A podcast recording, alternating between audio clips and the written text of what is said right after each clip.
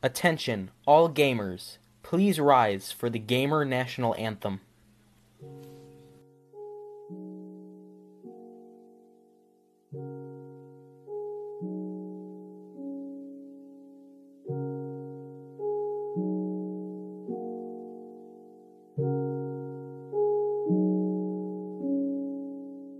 Witam wszystkich bardzo serdecznie. Z tej strony Tomasz Murawski i kolejna sztuka 01. Tym razem o Warhammerze. Warhammerze 40 tysięcy. Jak zawsze nie jestem sam, a dodatkowo nawet nie mam jednego gościa, a aż dwóch. Więc jest ze mną Michał Duda, który prowadzi też podcast o scenie turniejowej. Cześć wszystkim. Zapraszam do nasz fanpage, jeśli mogę się trochę pochwalić. Team Volant 40k.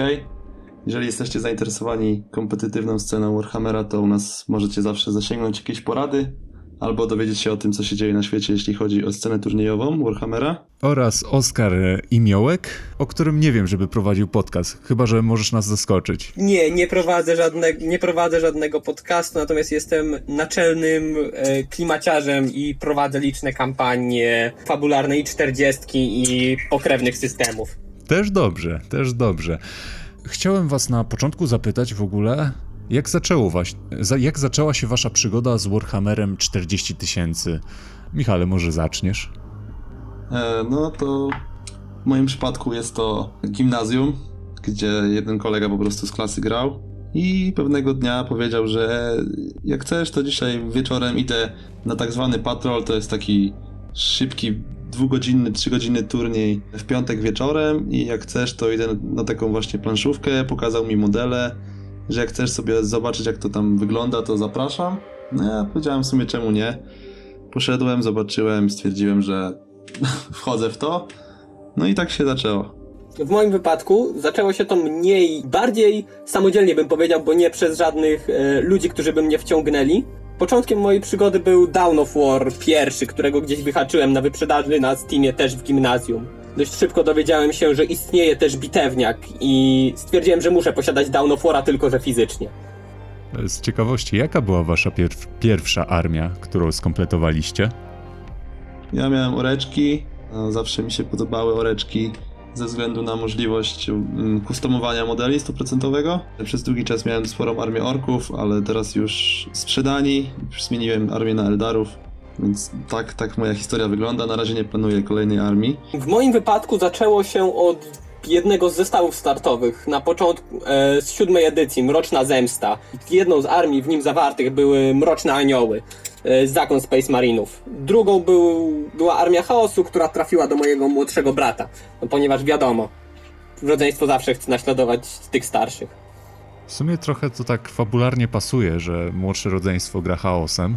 No, Dark Angele to też chaos, więc E, e, e, wchodzimy tu na pole nieśmiesznych żartów. Otóż e, lojalność jest nagrodą samą w sobie i zaraz rzucimy jeszcze kilka inside joke'ów, które załapią tylko ci, którzy wiedzą. Pozdro dla kumatych. A chciałem jeszcze zapytać, czy Warhammer jest dla was tylko w pewnym sensie grą, czy jednak e, pasją, czy też hobby? No, na pewno jest to hobby, bo mm, zajmujesz się tym nie tylko w weekendy, kiedy jest jakiś event, ale też wieczorami. Na przykład nawet teraz siedzę i maluję sobie figurki. A to witam w klubie, też, też tutaj uskuteczniam malowanie do dyskusji. Tak, no i przy okazji cały świat, cała historia świata jest na tyle interesująca, że no, książki z herezji Horusa czy z innych, z innych jakby momentów w świecie są naprawdę interesujące i kiedy sobie maluję i nie rozmawiam akurat, nie nagrywam podcastów, to po prostu słucham audiobooków ze świata, bo, no bo historie według mnie są naprawdę dobre i, i wydaje mi się, że nawet jeżeli ktoś nie jest wkręcony w świat, a lubi science fiction, to mogłyby mu się podobać. Mhm. Trudno się z tym nie zgodzić. Wiele osób zaczyna swoją przygodę z 40 właśnie od poznawania samego świata, zanim w ogóle usłyszą o modelach albo kupią swój pierwszy zestaw. Znaczy, ostatnio słyszałem e, opinię, e, zresztą na grupie, e, że herezja Horcruxa jest akurat słabo napisana. Znaczy, nie wiem, czy się z tym zgadzacie, ale po prostu tak słyszałem, że książki z Warhammera akurat mają kiepskich zazwyczaj pisarzy. Inaczej, posiadają moim zdaniem bynajmniej dość specyficzny poziom. To są książki, którymi zachwycałbyś się będąc w gimnazjum. Które czytasz pierwszy raz w gimnazjum i dlatego myślisz, że są świetne, bo byłeś wtedy jeszcze gimnazjalistą i to było pierwsze dzieło tego typu, które czytałeś. Sama herezja Horusu, no można powiedzieć, że jest średnia jako cykl. Ma swoje wzloty, ma swoje upadki. Są na pewno książki, które wielu osobom bym powiedział, żeby po prostu odpuściły sobie i ominęły szerokim łukiem, bo nie tracą wiele, a zyskują tylko swój czas. Znaczy się, no na pewno jakby problemem serii całej jest to, że to nie jest jeden autor. Tylko po prostu jest wielu autorów i są wśród nich ci lepsi i ci gorsi, nie? I jakby niektóre książki po prostu pisane przez tych najlepszych są bardzo dobre, a niektóre przez tych gorszych są no po prostu słabsze, tak? I tak jak Oskar powiedział, niektóre naprawdę są niegodne uwagi i po, po przesłuchaniu pojedynczych tytułów miałem takie dobra, to w sumie mogłem równie dobrze tego nie słuchać, bo jakby nic to nie wniosło. No ale są takie, że po prostu słuchasz i czy tam czytasz i, i naprawdę mózg na ścianie, bo jakiś poziom rozkmin, jakie tutaj są, no ja tam może nie jestem jakoś super w literaturą, z literaturą związany, ale według mnie no, niektóre pomysły, jakie tu wprowadzają ci autorzy są naprawdę dobre. Tak. W sumie nie wiem, czy istnieje jakiś inny cykl książek, który jest rzeczywiście prowadzony przez aż tylu autorów, co Herezja Horusa. No na przykład y, Wojna Bestii jest jeszcze taką książką, gdzie chyba jest 8 autorów na 12 książek. I tam też to widać mimo tego, że e, Herezja Horusa opisuje bardzo wiele jakby eventów z, całe, z całego świata, to Wojna Bestii jest cyklem opisującym jakby jeden event i tam widać już między książkami ogromne różnice w jakości, w jakości napisania i no to przyznam było dosyć smutne, bo czasami czytając cały cykl, który jest ogólnie całkiem fajny, to czasami całkiem smutno się robiło, jak, jak czytałeś niektóre rzeczy, bo akurat ktoś z tych gorszych autorów to napisał. Chciałbym, chciałbym sobie zająć e, termin. Spodobałaby ci się ta książka, gdybyś był w gimnazjum, bo nie wiedziałem nawet, że w moim życiu brakuje takiego określenia, a tak dobrze oddaje niektóre książki, które kiedyś czytałem. Dokładnie. Tak, tak jest, tak, ja mam tak z wieloma książkami i wieloma komiksami, że kilka lat temu miałem od nich mózg na ścianie, e, byłem największym fanem, a teraz jak sięgam po nie drugi raz, to, za, to troszkę łapie mnie taki cringe, że jak ja, że czemu mi się to podobało, czemu podobały mi się imiona, jak, czemu podobały mi się niektóre imiona, czemu uważałem niektóre rzeczy za fajne. No to jest po prostu coś, co podoba ci się w gimnazjum, kiedy chcesz, kiedy chcesz pokazać, jaki to nie jesteś dojrzały i krawędziowy, dlatego czytasz książki, gdzie są flaki, wielkie pancerze i wybuchy. Trochę wracając do Warhammera, bo w sumie to, co wspomnieliście, że jest wie wielu autorów, to też mi się obiło uszy w takim względzie, że na przykład e, tytuł, znaczy nie tytułowi, ale Space Marine, którzy są poniekąd ikoną e, całego uniwersum, jakby nie patrzeć, są tym, tą domyślną rasą właściwie zarówno dla bitewniaka, jak i dla gier. Jak wpiszemy Warhammer, to prawdopodobnie zobaczymy Space Marine.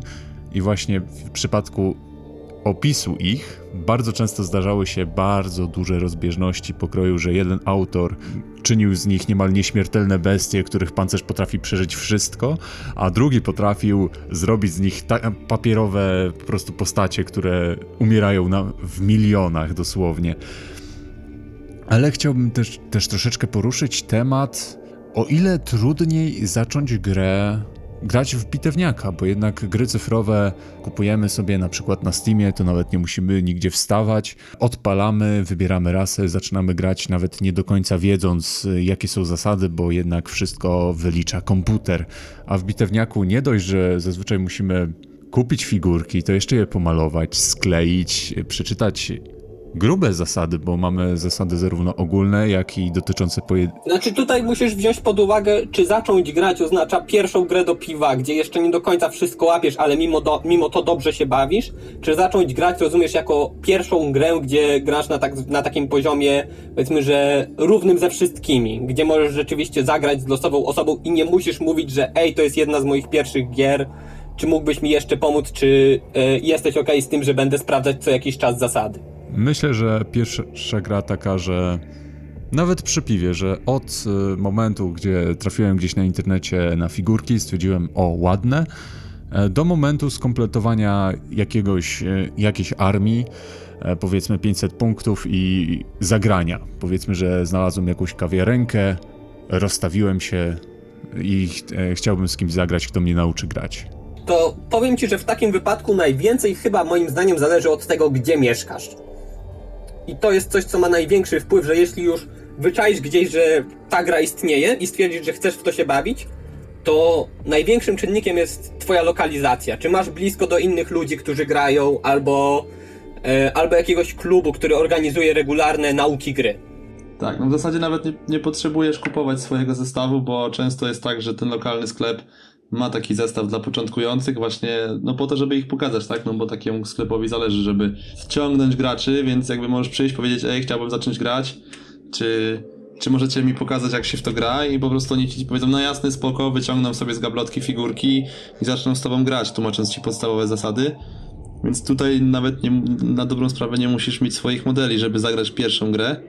No a potem wiadomo, no potem jak już chcesz zacząć bardziej poważnie grać, no to już kupujesz swoje modele, inwestujesz w to pieniądze, czas i no i tak się kończy twoje dotychczasowe życie. Zaczyna się nerdoza. No ale to może nie będziemy tutaj mówić, bo Jak chcecie zagrać, to pójdźcie do sklepu, łatwo będzie. tak, tak, jeżeli chcecie spróbować, jesteście nowi i chcecie spróbować, to znajdźcie swój lokalny sklep, po prostu najbliższy. Pojedźcie tam, powiedzcie, że, że chcecie zacząć grać w Warhammera i nie powinno być problemu, żeby wam pokazali na czym to polega. Bez inwestowania ani złotówki. Jeszcze jedną istotną rzeczą przy zaczynaniu jest to, że nie do końca możesz od razu chcieć wbijać się w dużą czterdziestkę, że tak to nazwę. Mm, Games Workshop wypuścił masę drobniejszych sy- systemów, które pozwalają ci wejść w uniwersum, posiąść pierwsze modele i zagrać pierwsze gry dużo mniejszym kosztem. Świetnym przykładem jest Kill Team, gdzie zamiast grać pełnymi armiami, dowodzisz oddziałami komandosów, które składasz tak naprawdę z jednego pudełka figurek za stówkę. Pytanie dotyczące bardziej samej gry, bo skoro łatwo jest zacząć, ale czy tak samo łatwo jest grać, bo jednak e, w grach zazwyczaj mamy mikrowanie, po prostu zarządzanie mniejszymi oddziałami, przemieszczanie ich, wszystkie rzeczy są wyliczane punktowo. Jest tam oczywiście pewne prawdopodobieństwo, jednak e, w przypadku bitewniaka już e, dla mnie, według mnie, z tego co widziałem, mówimy po prostu o zarządzaniu ryzykiem e, które jest w swej istocie jednak znacznie czymś innym, bo po pierwsze nie wymaga aż tak szybkich e, palców i przysłowiowego klikania, gdzie popadnie, żeby wyrobić APM, ale z drugiej strony zarządzanie ryzykiem wymaga więcej obliczeń, więc czy macie jakieś takie preferencje? Znaczy, czy trudniej wam grać w bitewniaka, czy jednak w gry cyfrowe? Znaczy nawet w wypadku gier cyfrowych jednak skłaniam się w stronę turówek niż RTS-ów. Ale z jednej strony bitewniak, bitewniaki są po części, bynajmniej w takim środowisku przyjacielskim, bardziej wy, wybaczające. Masz więcej czasu na pomyślenie. Zawsze jak zrobi, jak przesuniesz ten model, spojrzysz na to, gdzie go postawiłeś i stwierdzisz, że no troszkę tak z dupy go ustawiłem i to i nie jest to ruch, który chcę zrobi, zrobić, to przeciwnik rzadko kiedy będzie, sta, będzie stawiał opór, jeśli zadeklarujesz to, że chcesz cofnąć ten ruch dostatecznie wcześnie, zanim on podejmie jakieś swoje decyzje.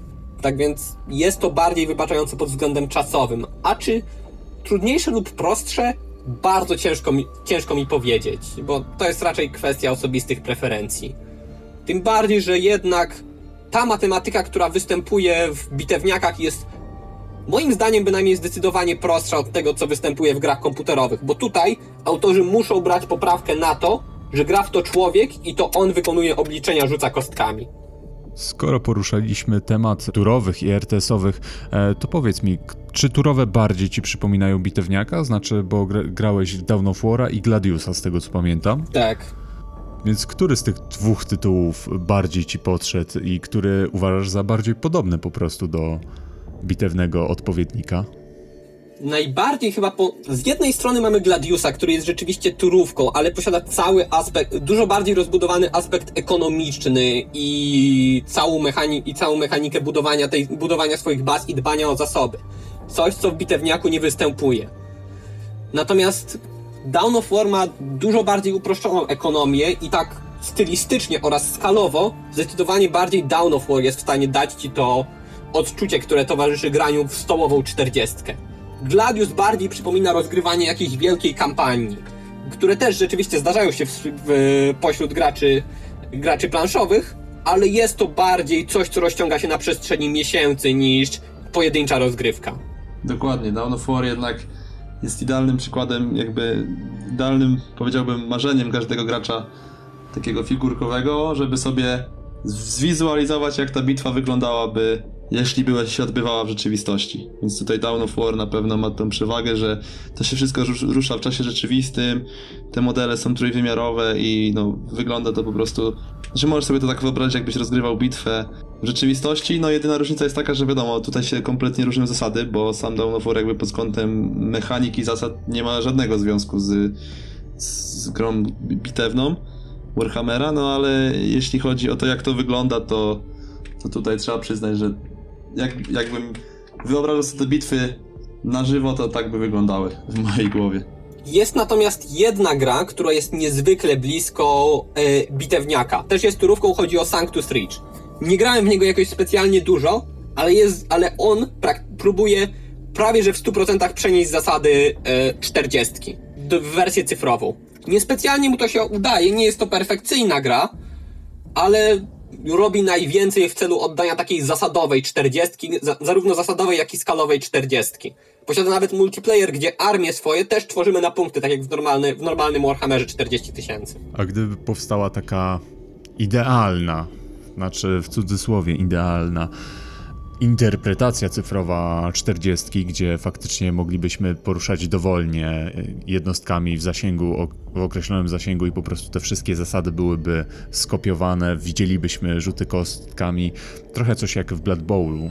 E, Nie wiem, czy dobrze kojarzycie tę grę, ale tam właśnie to jest właśnie jedna z tych gier, która została przetransportowana na świat cyfrowy. E, Z tego co wiem, jeden do jednego. Tak, podobnie jest w wypadku Warhammer e, Underworlds, które też niedawno dostało swoją wersję cyfrową i też jest kopią 1 do 1 planszówki. Odpowiadając na, pyta- na pytanie, nie wydaje mi się, żebym przesiadł się w pełni na cyfrową, na cyfrową wersję. Może by służyła tylko do tego, żeby od czasu do czasu zagrać z kimś, z kim nie mogę się fizy- fizycznie spotkać. A tak, jednak za dużo czasu wkładam w malowanie modeli i za bardzo to po prostu lubię, żeby odpuścić, żeby odpuścić sobie całą fizyczność gry. Warhammer nie jest tylko po prostu po prostu grą dla grania, ale także jest doskonałą okazją, żeby spotkać się z ludźmi i pogadać i cała ta otoczka pakowania modeli, sp- spotykanie się, spotykanie, spotykanie się w sklepie lub klubie jest za dużą częścią tego hobby, żeby można było ją zastąpić e, czysto cyfrową grą. Znaczy w zasadzie to jest cyfrowy odpowiednik jest Tabletop Simulator, który pozwala e, symulować te gry figurkowe w, świe w świecie wirtualnym. Po prostu masz tam wirtualny stół, wirtualne modele i możesz, można grać i jest to w miarę stosowane, ale nie jest jakoś tam bardzo popularne. Moim zdaniem też jakby zabiera to ten aspekt taki spotkania się z ludźmi i tego, że to się wszystko dzieje na żywo. No aczkolwiek e, w obecnych czasach, szczególnie teraz, e, no Tabletop Simulator zyskuje na, na popularności, no bo możesz nie wychodząc z domu sobie rozgrywać te bitwy tak jakbyś siedział i w klubie i grał prawdziwymi modelami, tak? A skoro już wspomnieliście o klubach, o turniejach, to takie moje pytanie dotyczące turniejów. Jak one w ogóle wyglądają? Najczęściej jest tak, że mm, w każdym mieście większym, nawet w mniejszych, jeżeli jest tam lokalny sklep, to sklepom zależy, żeby organizować turnieje, no bo one przyciągają po prostu graczy, którzy, no wiadomo, zostawiają u nich pieniądze. Więc tutaj jest taka symbioza, tak? No bo gracze, jeżeli będą kupowali w lokalnym sklepie, to będą mieli gdzie grać. No i taki organizator organizuje turniej, najczęściej z jakimiś mniejszymi nagrodami, żeby tam też nie było tak, że ludzie przychodzą sobie e, grać o nic, żeby to też trochę zachęcić tych ludzi do przyjścia. Ogłasza taki turniej, zapisują się ludzie, jest też nie tylko lokalnie, bo jest też e, Polska Liga Warhammera, która skupia w całej Polsce graczy i jeżdżą gracze po całej Polsce, żeby grać na turniejach. No i taki turniej polega na tym, że w ciągu jednego dnia, przy większych turniejach w ciągu dwóch dni roz- rozgrywasz kilka bitew, które są normalnie punktowane i na podstawie rankingu uzyskanych bitew potem po prostu osiągasz jakieś tam odpowiednie miejsce. No i, i, i w sumie tyle. No. Cały turniej polega na tym, żeby zagrać bitwy i dać się wszystko i po prostu zdobyć jak najwięcej punktów. Przy czym dla wielu to nie jest główny wyznacznik, bo bardzo dużo ludzi jeździ po prostu po to, żeby móc się wyrwać z domu, spotkać z, z kolegami, spotkać z ludźmi, którzy mają to samo hobby, niekoniecznie z jakimś dużym parciem na wygranie. I, I jakby tutaj też często jest taka krzywdzą, krzywdząca opinia o turniejach, że na, na turniejach to właśnie ludzie się wyciskają siódme poty, żeby tylko wygrać za wszelką cenę, a w sumie wcale tak nie jest, bo, bo na turniejach bardzo przyjemnie się gra.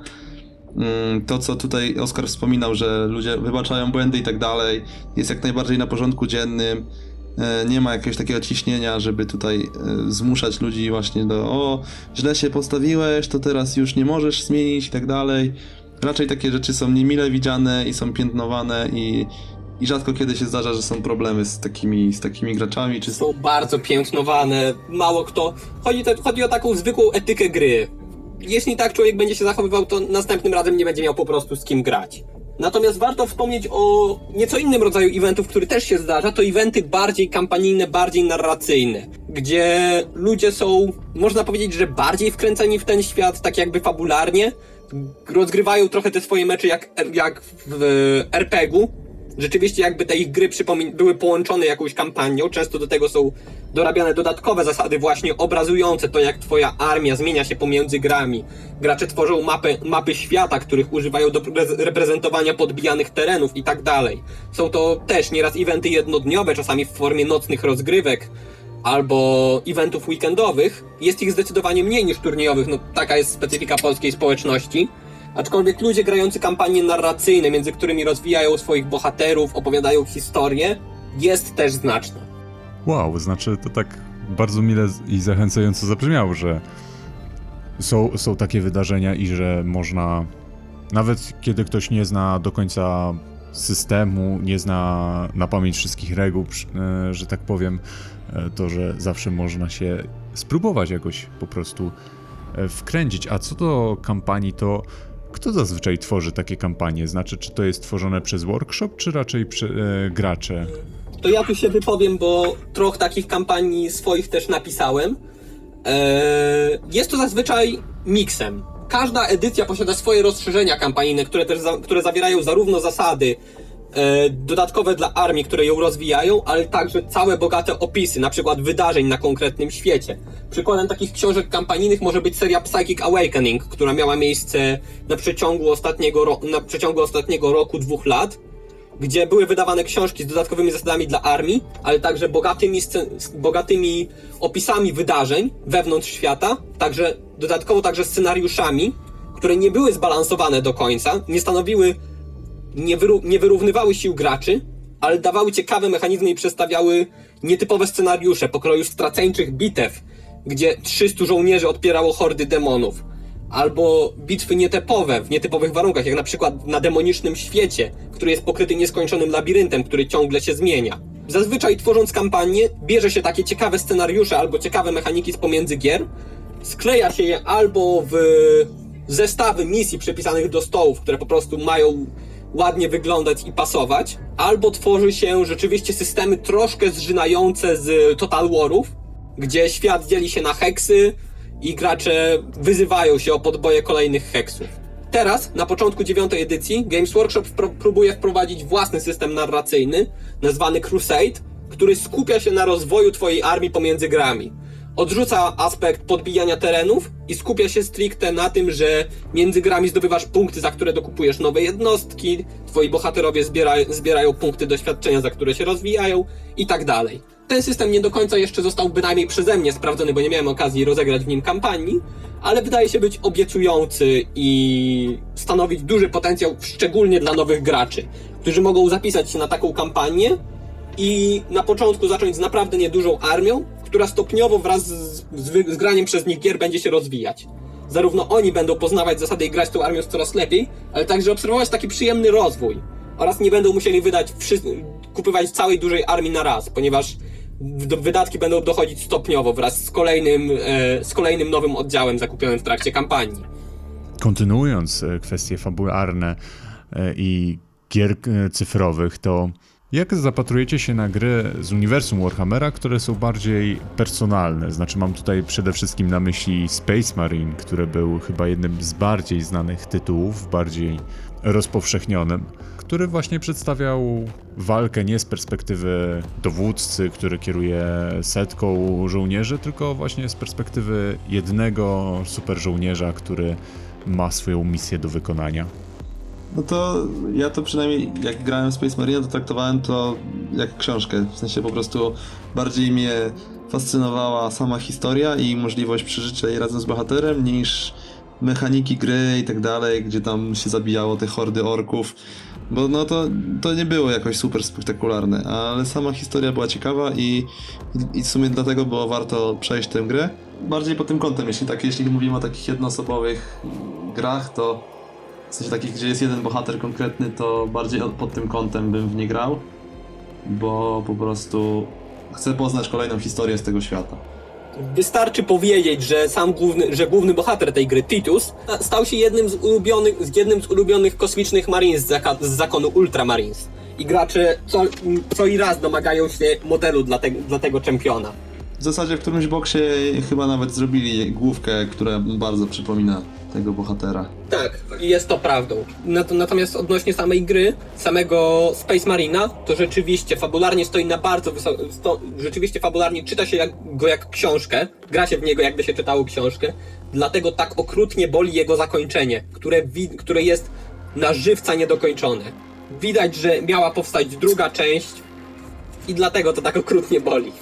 A graliście w jeszcze jakieś tytuły, w których kierowało się pojedynczym e, bohaterem, na przykład e, Inquisitor? Tak, ogrywałem tego, no powiedzmy, że no Dungeon, Crow, Dungeon Crawlera, coś takiego, no Diablo, kolejne. Fabularnie, fabularnie niezbyt się w niego wciągnąłem, bardziej do niego podesz, podeszłem jak do Diablo trójki i w sumie twórcy też się wydaje, że tak do niego podeszli i postawili mniej, mniejszy nacisk na fabułę, większy na po prostu wyżynanie kolej, kolej, kolejnych poczwar. No ja tutaj to chyba jedynie w Dawn of War'a, gdzie kampanie też opierały się na bardziej na tych bohaterach, aczkolwiek tam nie było nic jakoś super specjalnego. Bo z drugiej strony gry strategiczne też mogą bardzo dobrze trzymać e, perspektywę pojedynczego bohatera. Tak jak na przykład Dawn of War II oraz pierwszy War, gdzie rzeczywiście cały czas śle- śledziliśmy e, wydarzenia dotyczące zakonu Mrocznych Aniołów, a nawet konkretnie ich mistrza zakonnego e, Gabriela, który no jednak przeżył trochę wydarzeń. Dopiero e, Soulstorm oraz e, Chaos Rising położyły mniejszy nacisk na. Nie Chaos Rising, a Retribution położyły dużo mniejszy nacisk na perspektywę jednej postaci i zaczęły opowiadać historię troszkę o niczym, ponieważ, chcie, ponieważ chcieli udostępnić możliwie dużo grywalnych raz w kampanii. Tak naprawdę historię systemu trochę. Tak, tak, bo rzeczywiście przykładem tego może być Retribution, gdzie główną kampanię rozegramy każdą grywalną frakcją. Dlatego No, ale będzie taka sama, dokładnie taka sama, tylko po prostu inni bohaterowie. oraz inne cutscenki i dialogi. Natomiast rzeczywiście same scenariusze i bitwy są praktycznie identyczne. Zastanawiam się, nie graliście jeszcze w Mechanicus? Wczoraj zain- zainstalowałem, nabiłem w to kilka godzin. Nie, nie grałem. O, to e, trochę mnie e, zaskoczyłeś. I jak w ogóle masz, jakie masz wrażenia z Mechanicusa, bo ostatnio dość dużo się chwali Mechanicusa właśnie za to, że ma, że jest grą z uniwersum z Warhammera z jedną z najlepszych ocen na Steamie. Tak, Mechanicus jest naprawdę dobrą grą. Bardzo mi się podoba to, że osadzono jako protagonistę dość nietypową frakcję. Mało która, tak naprawdę nie wiem, czy była do tej pory gra, która tak znacząco skupiałaby się na Adeptus Mechanicus. Frakcji, która w bitewniaku nie dość, że posiada swoją armię, to posiada niezwykle ciekawą armię e, z naprawdę bogatym światem, z naprawdę z, boga, z bogatym backstory oraz z niezwykle ciekawą otoczką oraz trudną do zrozumienia naturą, ponieważ wszystko jest tam mechaniczne i obce. Natomiast sam mechanikus mechanicznie stoi bardzo wysoko i trudno mu tego odmówić. I fabular i posiada niezwykły klimat, od muzyki po sam interfejs, który doskonale wpasowuje się w tą frakcję. Bardzo podziwiam dialogi e, w Mechanicusie, które faktycznie zostały wykonane tak naprawdę w uproszczonym języku programowania, żeby właśnie oddać tą e, robotyczność. Ciekawe, że tak naprawdę gra skupia się na walce maszyn, e, gdyż naprzeciwko Adeptus Mechanicus stają Necroni, którzy też są mechaniczni, tylko po prostu są pradawną rasą maszyn. Dzięki temu wszystkie konflikty są jakby bardziej wyraziste, gdyż mamy maszynę przeciwko maszynie. To jest trochę bardziej zrozumiałe, dlaczego walczą, dlaczego się kłócą i że jedni uważają drugich za beznadziejno, beznadziejność, marność i tym podobne. Trudno się tu nie, trudno się tu nie zgodzić.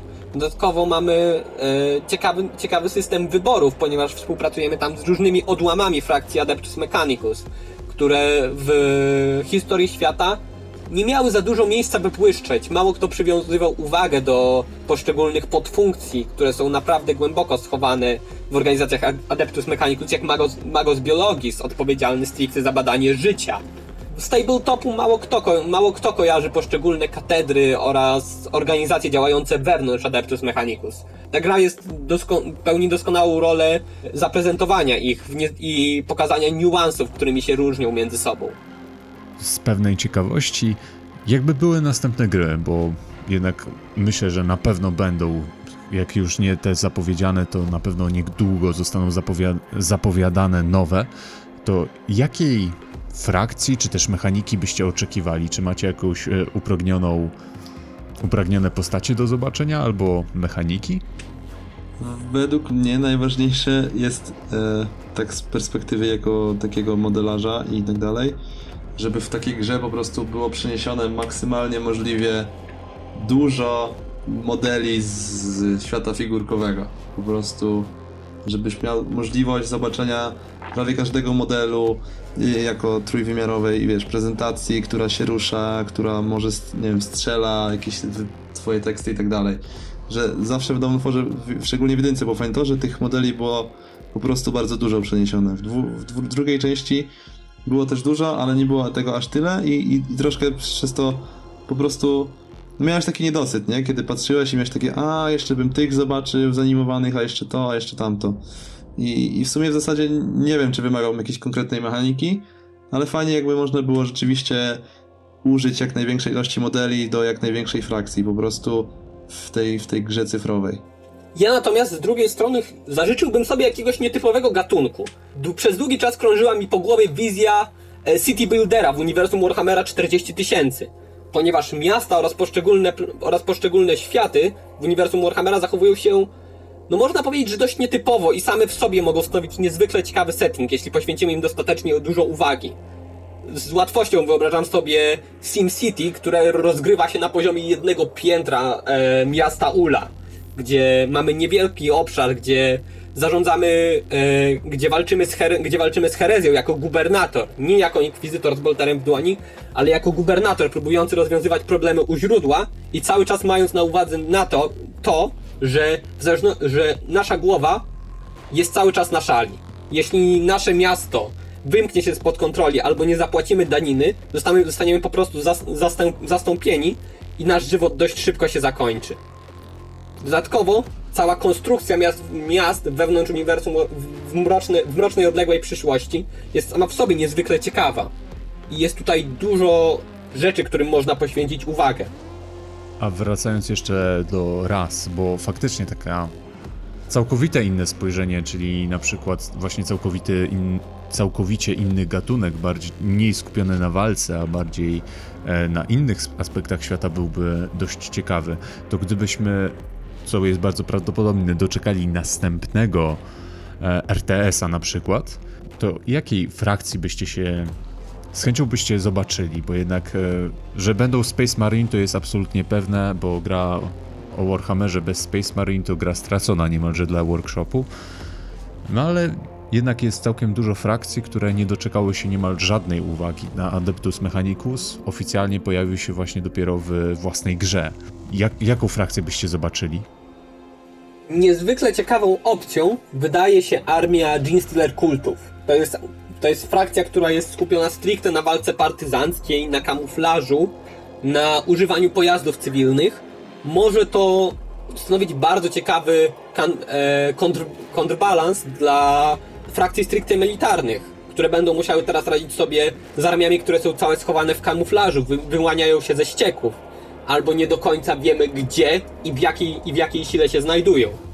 Na pewno te pomniejsze frakcje ciekawie byłoby zobaczyć, ale też one mm, ciężko byłoby myślę zrobić z nich samodzielne armie, na przykład jak właśnie G- Genstealer Cult czy Custodes, ale fajnie jakby wprowadzili po prostu możliwość dobrania, na przykład grając z tyranidami, możliwość dobierania jednostek z właśnie z Genstealer Cult, które by mogły wykonywać te ataki zaskoczenia, albo grając gdzieś Imperium, możliwość dobrania na przykład dwóch Adeptus Custodes, którzy zgodnie jakby z historią świata to jest już naprawdę planetarna siła, więc jakby no, po prostu nadal, nadal wracam do tego, że przełożenie jak maksymalnej możliwej ilości modeli na pewno dobrze zrobiłoby takiej grze.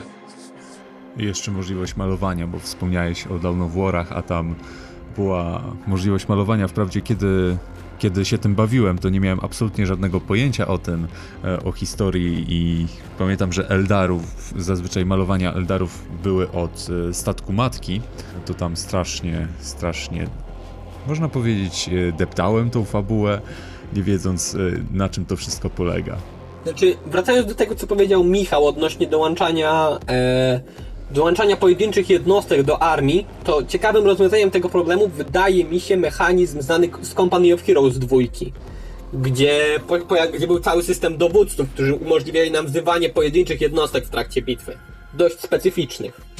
Tak, dowódca na przykład, który ma dobre połączenia e, z Adeptus Custades i może sobie przyzwać ich jednostki po prostu z tego powodu e, do walki, to by było coś. Tym bardziej, że Company of Hero jednak jest chyba, e, mówię o drugiej części, chyba jedno, jest jedną z najlepszych gier strategicznych na Steamie.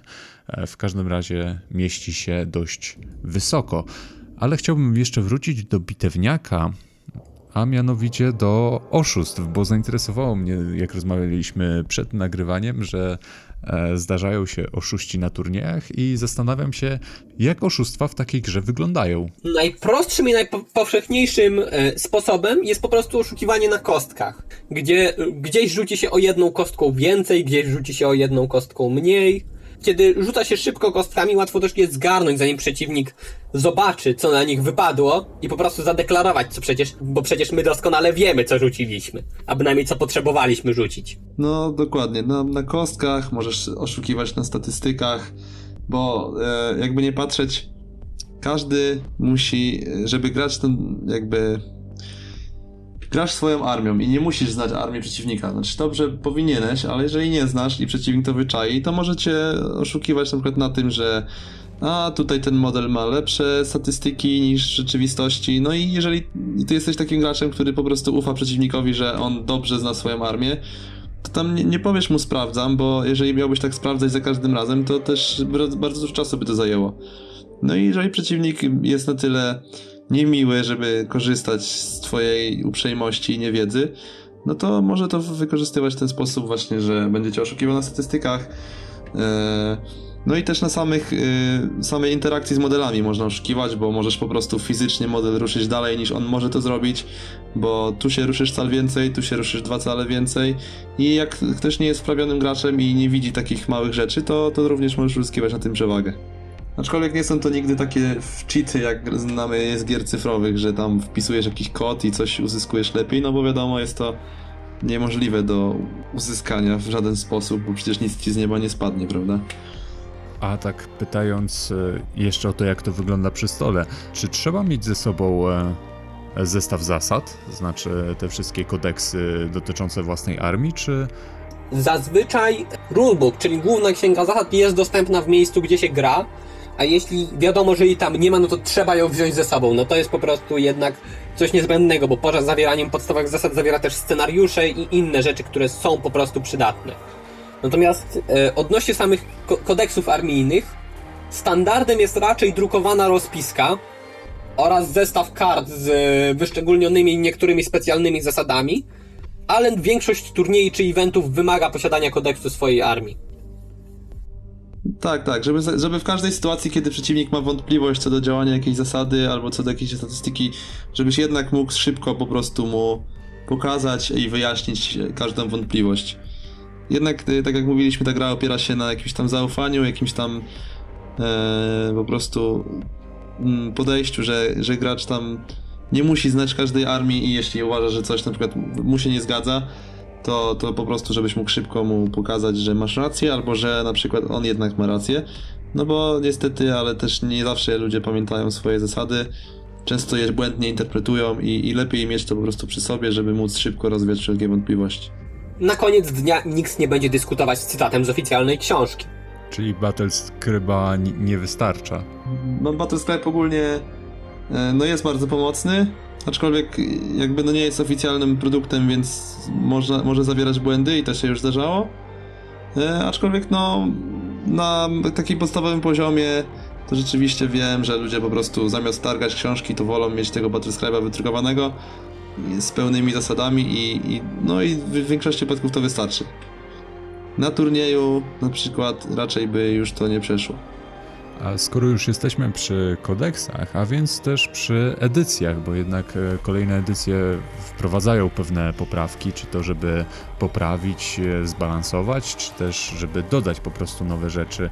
Jakie macie odczucia względem e, Gay Workshopu? Czy Game Workshop był celowy, czy to przejęzyczenie? e, przejęzyczenie, chociaż mo- może, może Gay Workshop, e, Game Workshop w każdym razie. E, czy kolejne edycje według Was są e, skokiem na kasę, czy jednak faktycznie robią dobrą robotę i dobrze poprawiają grę? Na pewno są skokiem na kasę, aczkolwiek przy okazji Czasami im się zdarza poprawiać grę.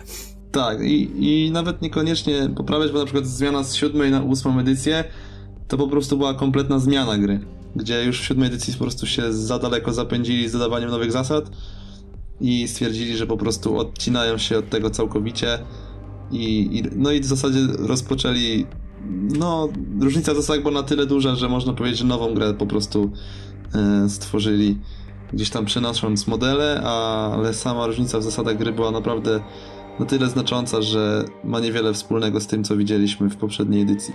Istotną rzeczą jest to, że gra musi się rozwijać. Że Warhammer musi się rozwijać, musi dostawać nowe jednostki, nowe modele, nowe zasady. Tak jak gra bez, bo inaczej tak jak gra bez aktualizacji po prostu umrze. Stąd, stąd kolejne kodeksy i modele. Natomiast z czasem ilość jednostek i ilość nowych zasad, które zostały wprowadzone, żeby oddać różnicę między tymi nowymi jednostkami, zaczyna po prostu zasy, za, zatykać, zatykać system i brakuje wtedy miejsca na kolejne nowości. Czasami trzeba po prostu zrobić e, czystkę i żeby uporządkować to, co zostało stworzone wcześniej, te jednostki, te zasady, by na przykład zauważyć, że pięć jednostek korzysta z dosłownie tej samej mechaniki, ale wszystkie mają ją delikatnie inaczej napisaną, co stwarza problemy. Zamiast tego można umieścić jedną zasadę, która podsumuje wszystkie te jednostki. I w ten sposób znajdziemy miejsce, stworzymy miejsce na kolejne nowości i kolejne nowe zabawki dla graczy. Dokładnie to miało miejsce całkiem niedawno przy przejściu z ósmej na dziewiątą edycję, gdzie właśnie na tym to mniej więcej polegało, że zebrali wszystkie jakieś aktualizacje i tak dalej do ósmej edycji, spisali je w jedno miejsce, popra- wprowadzili poprawki i wypuścili jako jedna zwięzła całość, gdzie wcześniej, dopóki nie było tej dziewiątej edycji, to już po prostu ilość publikacji, ilość wszystkiego była naprawdę przytłaczająca. Czy zdarza się sytuacja, że na przykład gracze szukają ludzi do siódmej edycji, bo ta, tamta im się spodobała, w tamtej grają i już nie chcą się ruszać, tylko po prostu szukają graczy, którym W kwestii siódmej edycji Games Workshop zadbało o, o graczy, którzy chcieliby by w niej zostać, systemem, który jest poświęcony herezji Horusa, który dalej funkcjonuje na zasadach siódmej edycji. Jasne, posiada zdecydowanie inne armie, ponieważ pochodzą z innego okresu czasowego, ale dalej jest prawie że w pełni na zasadach siódmej edycji z niewielkimi różnicami. Tak więc jeżeli ktoś tęskni za siódmą edycją, za facingami pojazdów albo template'ami, może zacząć grać w herezję Horusa. Tak samo jeśli ktoś ma doświadczenie z siódmej edycji i chce w nią grać, to jest na tyle ogarnięty w systemie, jako 40 i w community, żeby poradzić sobie z przejściem na herezję Horusa, która też posiada dość silną społeczność. Tak, no widziałem nawet ostatnio, że ktoś pytał o to, czy ktoś jeszcze gra w czwartą edycję. Więc zdarzają się, ale to są to mocno pojedyncze przypadki, bo jednak no i eventy i, i całe, całe community raczej próbuje nadążyć za nowościami i możesz po prostu nie znaleźć ludzi albo nie znaleźć okazji do większego pogrania, tylko znajdziesz jednego, dwóch kolegów i tylko z nimi będziesz w kółku grał, co może po prostu w pewnym po, jakimś czasie zrobić się nudne. A co do społeczności, bo tak mówiliśmy, że ważne jest, żeby znaleźć miejsce do grania, które bardzo często zaoferuje nam pomoc, e, to jak jest z tą społecznością w Polsce? Czy jest faktycznie, faktycznie dużo graczy, czy jednak są jakieś problemy?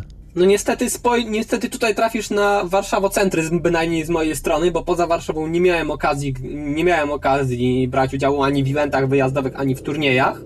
Natomiast w Warszawie jest to, jest koło tuzina miejsc, gdzie możesz rzeczywiście przyjść i nauczyć się grać. Jedne lepsze, jedne gorsze, ale na pewno nie można narzekać na brak, na brak społeczności w Warszawie i okolicach. Mm, No jeśli chodzi o aktywnych graczy, to w, w Polsce myślę, że można liczyć koło setki takich, że jeśli chodzi o eventy te ogólnopolskie można spokojnie zliczyć. Wybierając się na taki event do dowolnego miasta w Polsce, większy, taki mówię o dwudniowym, można spokojnie zakładać, że spotkasz 30-40 graczy. E, I tutaj mówię o takich eventach turniejowych. No i lokalnie też, jeśli się popatrzy, to najpewniej można spotkać dosyć obfite mimo wszystko. Mimo tego, że mogłoby się wydawać, że, że właśnie nikt nie gra, to potem, nie wiem, tak jak ja we Wrocławiu, czy Poznań, czy Szczecin, przychodzi na turniej 8, 10, 14 osób, co no, można uznać za sukces, tak? Jeżeli liczycie, że będziecie spotkali więcej ludzi gdzieś na lokalnym ten, to, to już może być ciężko. Ale 10 osób to i tak uważam, że całkiem sporo. No bo w zasadzie 10 osób to jest zajęcie typowego sklepu z grami, bo taki zazwyczaj, na, bynajmniej w Warszawie sklep ma 3-4 stoły do dyspozycji do grania na miejscu. Tak więc to jest takie, taki standard bynajmniej w lokalnych turniejach, tak od 8 do 12 osób. Tak, no bo to też jakby wynika z rozmiaru z tego sklepu, w którym jest to rozgrywane. Aczkolwiek no sama społeczność jest większa i nawet nie, jak spotkasz kogoś, kto nie gra turniejowo, a po prostu chce sobie pograć, to bez problemu znajdziesz takiego gracza. Mówię o większym ośrodku, tak? Bo jak tam szukasz w Pszczynie Dolnej, to możesz nie znaleźć, ale jak szukasz już, nie wiem, Katowice, Wrocław, Lublin, to raczej nie będzie problemu. A jak wygląda te, ta społeczność w takiej szerszej perspektywie, nie tylko Polski, ale Europy i świata? No, jest na, na pewno jeszcze bardziej rozbudowana niż w Polsce i, i, i bardzo aktywna tutaj. Nie wiem też konkretnie o co pytasz. Znaczy o wszelkiego rodzaju turnieje, no głównie o turnieje, jakie się odbywają, że tak powiem, bardziej globalne. No masz oficjalne turnieje od GW, tak zwane Grand Tournamenty, które oni tam sobie organizują pod swoim szyldem i one skupiają no już setki graczy, tylko że one są raczej organizowane gdzieś tam w, konkretnych miastach, które tam się zgłoszą do tego, one muszą tam przejść weryfikację od GW i tak dalej. No i masz też pomniejsze turnieje organizowane tak na własną rękę powiedzmy, ale są dosyć obfite i dosyć aktywnie rozpowszechniane. Na przykład jeżeli my jako tutaj polska reprezentacja robimy jakiś większy turniej, no to wysyłamy zaproszenia do zagranicznych, zagranicznych ekip i czasami zdarza się, że przyjeżdżają. Zagraniczne ekipy czasami zapraszają nas, nas na swoje turnieje i, i, i w ten sposób na przykład się wy, by, byliśmy w Belgii, byliśmy w Chorwacji na turniejach i to nie, nie jakichś tam mm, jak, takich wielkich turniejach, że tak powiem, jak coroczny, coroczne Mistrzostwa Świata, tylko po prostu to był ich taki, taki jeden, nie wiem, załóżmy drużynowe Mistrzostwa Belgii, tak to się nazywało i, i tam przyjechała Dania, Anglia, Holandia, przyjechaliśmy też my i po prostu rozgrywaliśmy turniej międzynarodowy mm, na mniejszą skalę nazwijmy to, tak? Bo zwieńczeniem, zwieńczeniem takim największym turniejem raz do roku jest, są drużynowe mistrzostwa już teraz świata, gdzie przyjeżdżają ekipy z Ameryki, z Australii, z, nawet z Ameryki Południowej. W tym roku się zapowiedziały ekipy z Azji. E, miały być, tylko wiadomo, wirus wszystko pokrzyżował. Gdzie już raz do roku odbywa się taki ogromny event, e, gdzie cała Europa, cały świat już rozgrywa, rozgrywa wielki turniej. Czy trudno jest uzyskać wyższy poziom, że tak powiem, bo skoro w miarę łatwo jest zacząć, to jednak czy ciężko jest zmierzyć się w takim turnieju, żeby jednak coś wygrać, zająć jakieś miejsce? Tak. Długo gram w Warhammera i no nie jestem znany z, wyso- z, wysokie- z jakiegoś wysokiego poziomu grania per se. Ale to bardziej wynika z mojego podejścia do grania niż z mojej chęci, ponieważ ja nieraz bardzo chcę posiadać jakąś konkretną jednostkę w swojej rozpisce, która nie zawsze jest najgrywalniejszą i najbardziej użyteczną. Dokładnie, to akurat zależy już od gracza indywidualnie. E, są tacy gracze, którzy po prostu zależy im, żeby się rozwijać jak najbardziej możliwie turniejowo. No i to, to wtedy nie polega na tym tylko, że sobie gdzieś tam malujesz figurki, idziesz grać, tylko musisz przeanalizować, co mogą wziąć przeciwnicy, musisz policzyć, to już wchodzi tutaj wyższa statystyka, matematyka, musisz przeliczyć, jakie jednostki ci się najbardziej opłacają pod względem punktów, pod względem budowy armii, czy brakuje ci, nie wiem, jednostek przeciwpancernych, czy jednostek antyhordowych. Musisz to wszystko odpowiednio... I wychodzą zadanka optymalizacyjne z liceum. Tak, dokładnie. I musisz odpowiednio to wszystko dobrać, e, policzyć. Do tego dochodzi cały ten zmysł taktyczny, zarządzanie ryzykiem, bo to, że zrobisz dobrą armię, albo to, że skopiujesz armię od kogoś, kto wygrał turniej, nie wiem, w Ameryce, to nie znaczy, że pójdziesz wygrywać turnieje, bo niekoniecznie musisz rozumieć, jak ta armia działa i, i ją dostaniesz do rąk, pójdziesz na ten turniej, dokładnie skopiowaną rozpiską i nagle się okaże, że totalnie nie wiesz, o co w niej chodzi i przegrasz wszystkie gry, mimo tego, że ktoś za oceanem wygrał turniej na 300 osób tą rozpiską, więc jakby mm, no, kwestia treningu to już jest, to można uznać, choć może to zabrzmi śmiesznie, jak, jak sport. Jeżeli chcesz być dobry, po prostu musisz grać, trenować, roz, wyciągać wnioski i rozumieć, na czym polega ta gra. Inną kwestią, na przykład w moim wypadku, mi towarzyszy taki sentyment do, do niektórych modeli, że nie wyobrażam sobie na przykład rozpiski moich Iron Warriorsów bez e, Forgefinda, który nie należy do szczególnie grywalnych modeli i wiele osób śmieje, tro- troszkę się śmieje, kiedy, go, kiedy wystawiam go na stół. No czasami tak po prostu jest, że nie, jeżeli nie możesz się przemóc przemóc tego swojego sentymentu do modeli i nie jesteś w stanie przyznać, że nie, ta jednostka nie działa i wybór jej jest bez sensu, to będziesz tkwić w takim momencie, że niby twoje zdolności grania per se się poprawiają, ale i tak nie wygrywasz, no bo posiadasz te kule, ono, kule u nóg, które sam sobie przykułeś w w postaci niektórych jednostek. No tak, no ale to na, nadal wracamy do tego, że to już kwestia podejścia gracza, tak?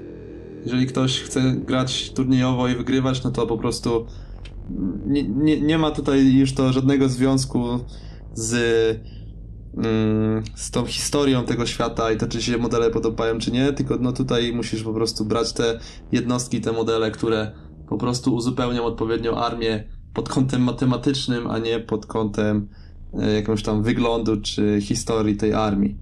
No i też kwestia tego właśnie, że musisz trenować. Jeździć na, na turnieje, na większe turnieje, jeżeli chcesz się rozwijać, to mi się zawsze to podoba, jak ktoś z lokalnego środowiska e, po raz pierwszy pojedzie na turniej ogólnopolski.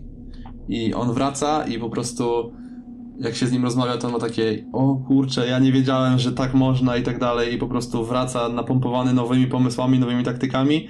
I na dobrą sprawę, gdzie na przykład zajmował gdzieś tam środek z tabeli zawsze na lokalnym środowisku, po jednym takim wyjeździe e, gdzieś na środowisko ogólnopolskie taki człowiek zaczyna mieć wyższe, lepsze pomysły, jakby lepiej rozumieć tą grę, bo gdzieś zobaczył, że ktoś inny gdzieś inaczej gra i nagle gościu skakuje parę miejsc do góry, e, jakby na samym tym, że, że zobaczył, że można inaczej, można jakoś tam lepiej pomyśleć i tak dalej, więc tutaj trzeba po prostu no jeździć, próbować, wyciągać wnioski, grać i, i tyle. Tutaj się nie, nie da tego inaczej. Też nie da się tego zrobić z samymi cyferkami, samymi obliczeniami matematycznymi, dojść do tego, żeby wygrywać nagle turnieje. Już sporo czasu gadamy, a więc może takie słowo podsumowania. Czy macie coś do powiedzenia słuchaczom? Z mojej strony to mogę tylko zachęcić do tego, żeby spróbować, żeby zagrać, jeżeli mniej więcej kojarzycie, albo jeżeli nawet nie wiedzieliście, że takie coś jak Warhammer istnieje, no myślę, że warto się zainteresować, i, bo hobby jest naprawdę fajne do wciągnięcia i, i towarzystwo całe, to community, jakie, jakie jest w Polsce, jest naprawdę przyjemne, więc za- zapraszam do zapoznania się. Mm, jakbyście mieli jakieś pytania, to tutaj w komentarzach możecie pod tym podcastem, czy, czy pisać do nas na Team Poland 40k. Zawsze chętnie odpowiadamy, bo każdy nowy gracz dla nas to jest naprawdę duży sukces i, i, i fajna nagroda, że, że ktoś nowy się pojawia w środowisku. No, ciężko mi się nie zgodzić. Każdy nowy gracz jest po prostu kol- kolejną osobą, z którą można zagrać. I to jest największy profit z posiadania nowego gracza. Oraz kolejną osobą z nowymi, z nowymi pomysłami oraz nowymi rzeczami, które może wymyśleć i które może przedstawić w tym niezwykle skupionym na kreatywności jednak hobby. Warto spróbować, warto grać i co istotne, warto się nie poddawać, bo wiele osób, bo wiele osób potrafi się zniechęcić tym, że modele nie wychodzą tak, tak jak na obrazku za pierwszym razem, że pierwsze gry się przegrywa. To jest normalne. Nie warto się znie- zniechęcać tymi pierwszymi, pierwszymi porażkami, bo one będą i to jest po prostu część tego hobby. I warto w nim zostać, warto, warto przeboleć to, że pierwsze kilka modeli wyjdzie paskudnie, bo nagrody za to są tego warte. Także zachęcam Was do zagrania, do skompletowania armii. Ja byłem Tomasz Murawski, a ze mną byli. Michał? I Oskar. Także dzięki za słuchanie. Cześć.